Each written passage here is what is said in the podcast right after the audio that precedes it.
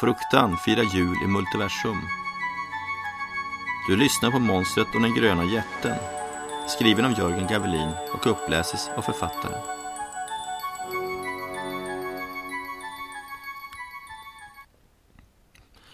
Bartendern tittade på de två männen i baren. Det var nog den mest besynliga figur han sett vid denna bar, då han sett många. Den ena var stor som ett hus, grönfärgad hud och sönderrivna kläder. Den andra mannen var även han storväxt, men nådde ändå inte upp till den grönväxte jätten. Han hade två bultar som stack ut från halsen. Även om hans kläder satt bättre på honom var de sönderslitna på vissa ställen. Bartendern som hade klätt upp sig i sin finaste röda skjorta, han hade till och med strukit mössan som han hade på sig, kände sig så sorgsen när han såg på männen. De såg helt enkelt bedrövliga ut.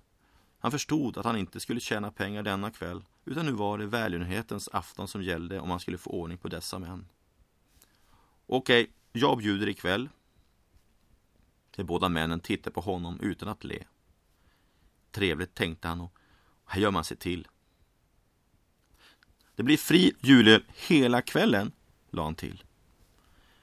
Men männen morrade bara till svar. Den gröna jätten tog ett glas med skummad öl i sin jättenäv och svepte innehållet i ett nafs. Efter ytterligare fem glas gav han ifrån sig så ett ljudligt rap att bartendern blev rädd att hans trumhinnor inte längre skulle göra någon nytta.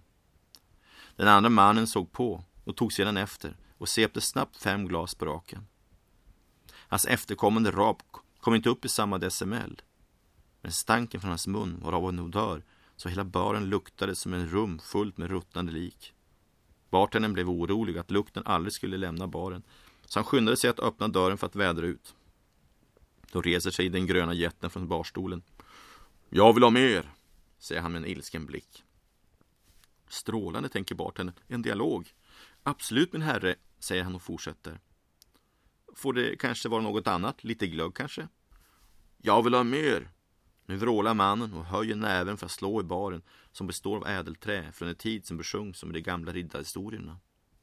Bartendern som inser vad som skall hända om den gröna jättenäven når baren slänger sig fram mot mannen och skriker Du ska men lugna dig!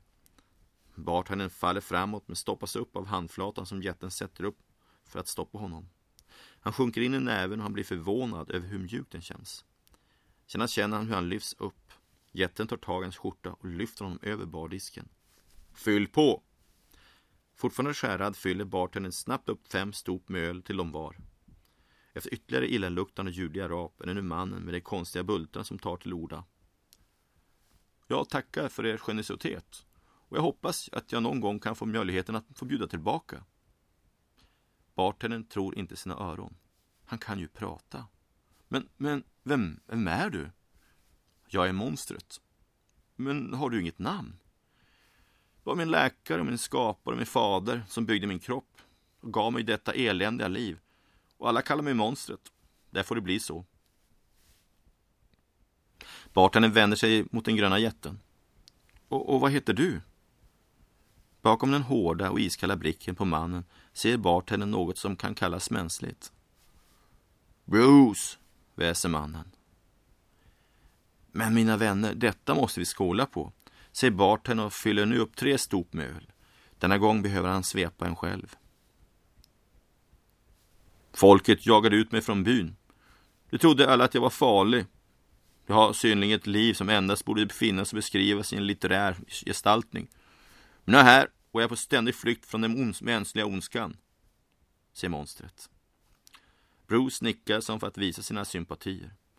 Själv så är jag min egen skapare, säger Bruce och fortsätter. Jag gjorde ett misstag i labbet och nu är jag också på ständig flykt. Bartonen som nu känner att samtalet går åt fel håll avbryter.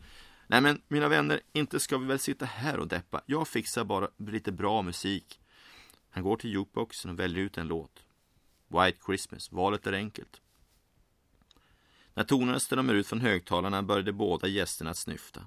De tänker båda på de gångna tider när de levde ett liv i harmoni med människan. Bartendern inser att låtvalet var lite galet. Då händer det omöjliga. De båda männen sätter sig bredvid varandra vid bardisken och krokar varandras armar. Så började båda att sjunga med i texten.